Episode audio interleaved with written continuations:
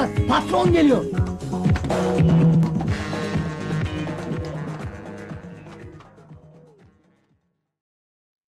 Merhabalar. LTD ŞT'nin ikinci bölümüne hoş geldiniz. Ben Çağdaş. Bu bölümün adı Kurtlar ve Kuzular. Önceki bölümde hatırlarsınız iki girişimcimiz bir şirket açmıştı. Aslında bunun her adımını planlamamışlardı. Biraz hayat onları buraya götürmüştü. Fakat şuna nettiler tabii.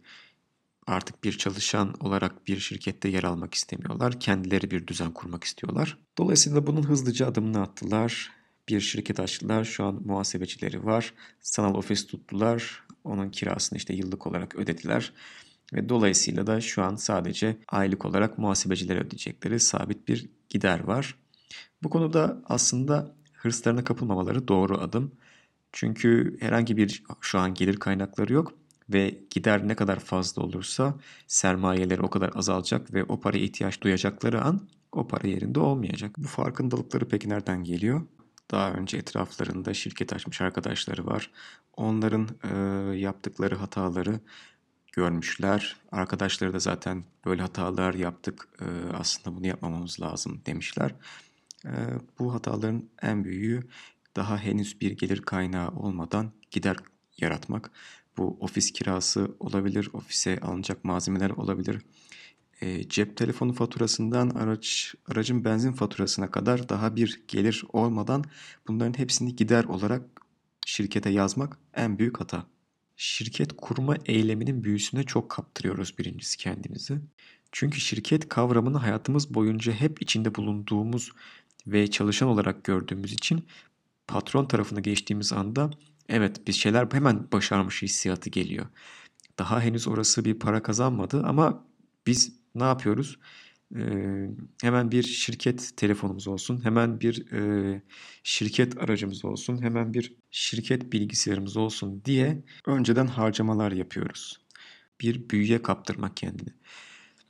Gün sonunda şunu demen lazım. Ya benim bu kadar giderim var bu şirkete de hiçbir şey gelmiyor. Ya da geliyor belki de ama ne kar ediyorum ben? Yani elime ne kalıyor?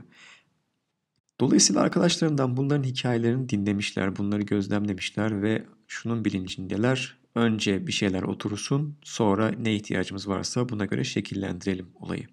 Artık şunu da farkındalar, hayatlarını başka bir şey için adıyorlar. Bu hayat adamak kavramı e, gerçekten de önemli bir kavram. Özellikle evliyseniz çocuğunuz varsa onlara ayıracağınız vakti bir şirkete ayırmanız gerekiyor.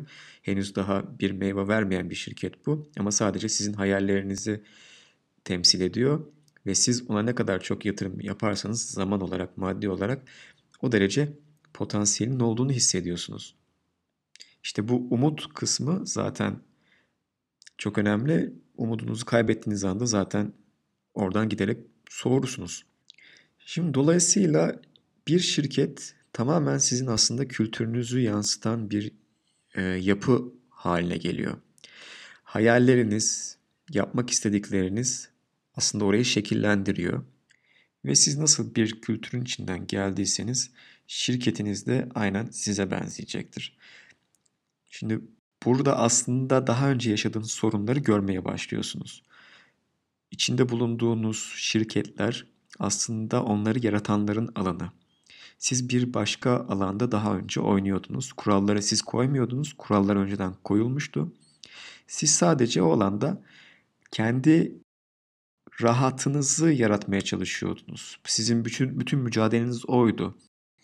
İşte o yüzden cumartesi günü gelmek çok zordu.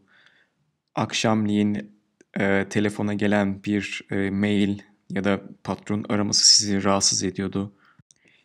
İşle e, ev hayatını, özel hayatınızı ayırmanızın tek isteği aslında bundan dolayıydı. Çünkü kuralları koymadığınız bir yer var hayatınızı çoğunluğuyla e, dolduran ve kendi ayrıca hayatınız var. Orada kuralları siz koyuyorsunuz ve ikisini bir araya getirmemeye çalışıyorsunuz.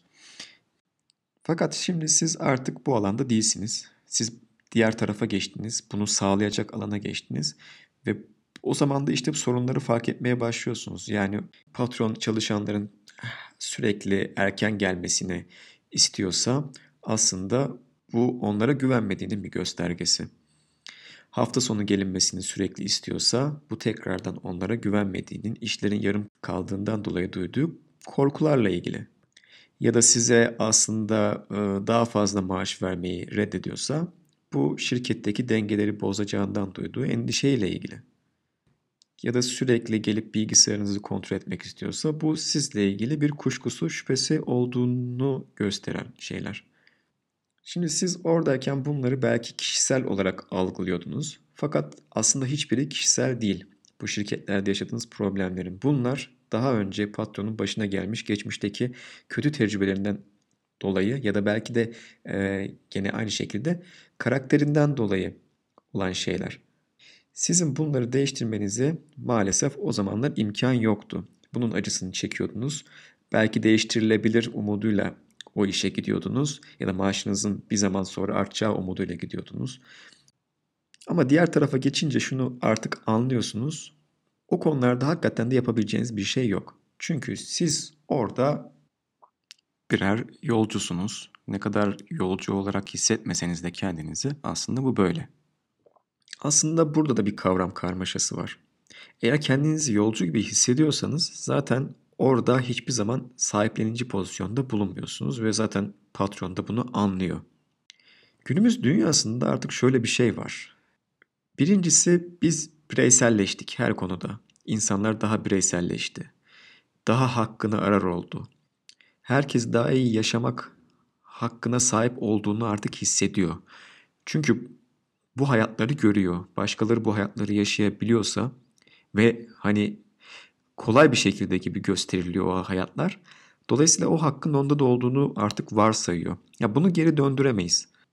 Eski kuşaklardaki gibi bir çalışma ahlakı beklemek şu andaki kuşaktan ve şu andaki zamandan e, hayal olur. O zamanlar daha kapalı bir toplumdu. Siz bu kadar çok dünyayı bilmiyordunuz. Başkalarının hayatlarını bu kadar çok bilmiyordunuz. Ve bir şeyler ulaşmak aslında bu kadar da kolay değildi o zamanlar. Sizin dikkat edin eski iş insanlarına, sizden önceki jenerasyonlara.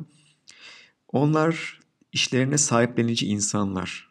Kendi ailenize bakın. Hayatları genelde iş olmuş insanlar. Uzun yıllar bir yerde çalışmış insanlar. Ama siz artık e, günümüz koşullarında bunları ne kadar isteyerek yapmak isterseniz e, yapın bir şirkette onlar kadar uzun devam edemeyeceksiniz. Çünkü artık patronlarında daha fazla alternatif var. Sizin yerinize bir alternatif bulabilir. Siz kendinizi ne kadar ben değerliyim, ben siz bu iş yürümez gibi hissediyorsanız o derece yanılıyorsunuzdur. Hangi işi yaparsanız yapın. Yani bugün şirketin kurucusu dahi çıksa o şirketten bir şekilde yürür. Yeter ki bir sistemi, bir tabanı olsun. Dolayısıyla bunun farkına vardı bizim girişimcilerimiz. Yani şirketi açtıktan sonra aslında patronlarının neden öyle davrandığı, o şirketlerdeki sorunların neden çıktığını bunu anladılar. Ve bir, bir sistem kurmalarının gerektiğini de şu an biliyorlar. Tabii bu sistem kurmak ilk adımı değil işin. Bu diğer adımlarında. Öncelikle sizin birkaç soruya cevap vermeniz lazım kendi adınıza. Birinci soru bu şirketin varlığının amacı ne? İkinci soru bu şirketin bu varlığı gösterebilmesi için nasıl hareket etmesi lazım? Ve son soru da bu şirketin ne iş yapması lazım? İlk soru bu şirketin amacı ne? Bu sizin kültürünüzü dediğim gibi başta yansıtacak olan e, taban. Şirket ne yapacak konusu sizin hayatta aslında neyi hedeflediğinizle çok ilişkili bir konu. Sizin ve ortağınızın. Bu yüzden de aslında ortaklıklar birazcık aynı hedef ve temeller üzerinde olursa eğer ilerleyebiliyor. Yoksa tek taraflı bir hayal kuran bir kişi o yardımı bulamadığı için yalnız kalıyor ya o ortaklık zedeleniyor ve iki taraf ayrılıyor birbirinden. Dolayısıyla ortağınızla aynı hedeflerinizin olması gerekiyor. Bizim e, kahramanlarımızın da hedefleri ortak şu anda. Şimdi bu hedefleri biraz açalım. Bir işe bir hedef koymak için öncelikle o işle ilgili bir ufkunuzun olması lazım. Ufkunuzun açık olması için de o işle ilgili yeterli bilginizin olması lazım. Bu bilgiyi daha önceki tecrübelerinizden edinmiş olabilirsiniz. Ama bunun yeterli olmadığını hissediyorsanız da bu sefer araştırma yapmanız lazım. Birkaç aynı işi yapan kişilere ya da şirketlere örnek almanız lazım. Bunlar sizin ufkunuzu açacak şeyler. Fakat hiç daha bu alanda değilseniz, yani daha bu amaç kavramını hiç düşünmediyseniz, hani bu başta saydığımız, zaten sürüklenmekten başka bir şey yapmayacaksınız. Nereye gidiyorsa akış, e, siz de o tarafa doğru gideceksiniz ama o akışı siz yönetemiyorsunuz o konuda. Çünkü etrafınızdan gelen abi şu işi yapsak iyi olur, bak şu işte inanılmaz para var gibi şeyler etrafınızdan duydukça siz aslında işe başkalarını ortak edeceksiniz.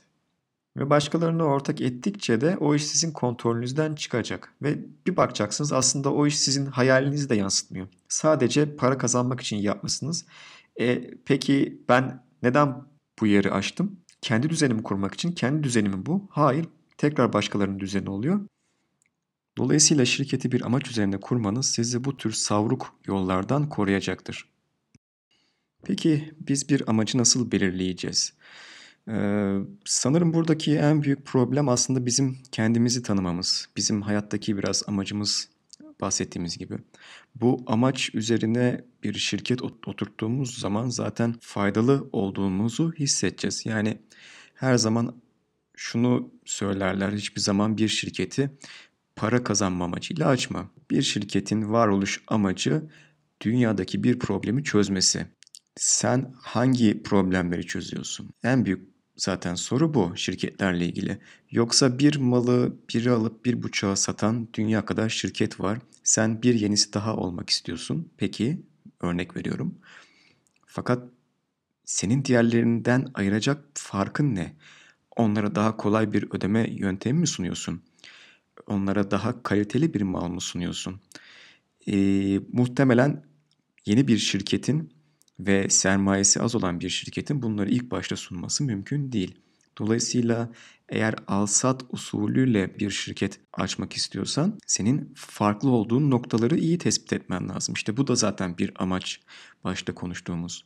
Aslında biz e, iş yapmayan, e, başarısız, kapanmış şirketlere bakarsak aslında bir amaçların olmadığını görürüz. Sürdürülebilir bir para akışları yoktur herhangi bir e, iş planları yoktur, bir iş amaçları yoktur ve onlar zaten sadece para kazanmaya odaklanmışlardır. Ve bir farklılık yaratmadıysanız da zaten size ihtiyaç yoktur. Ve dolayısıyla para kazandıran ve aynı zamanda da e, sürdürülebilir bir iş modeli yaratmak gerekiyor. Fakat artık günümüzde o kadar çok şirket var ki yani niş bir şey yapmıyorsanız varlığınız hakikaten de zor. Çalıştığınız Şirketleri düşünün, onların varlık amaçlarını düşünün. Nereden para kazandıklarını düşünün. Neyi farklı yaparak para kazandıklarını düşünün. Mutlaka eğer o şirket devam ediyorsa bir şeyi doğru yapıyordur. Zarar ettiği anda evet yanlış olduğu anlamına gelir. Zaten o şirket kapanacaktır eninde sonunda. Doğru yaptıkları alanı iyi analiz etmek gerekiyor şirketlerin. Örneğin bir konu üzerinde hakikaten tecrübelidirler ve müşteriler bunları o yüzden seçiyorlardır ya da çok kaliteli mal üretiyorlardır ya da fiyatları iyidir.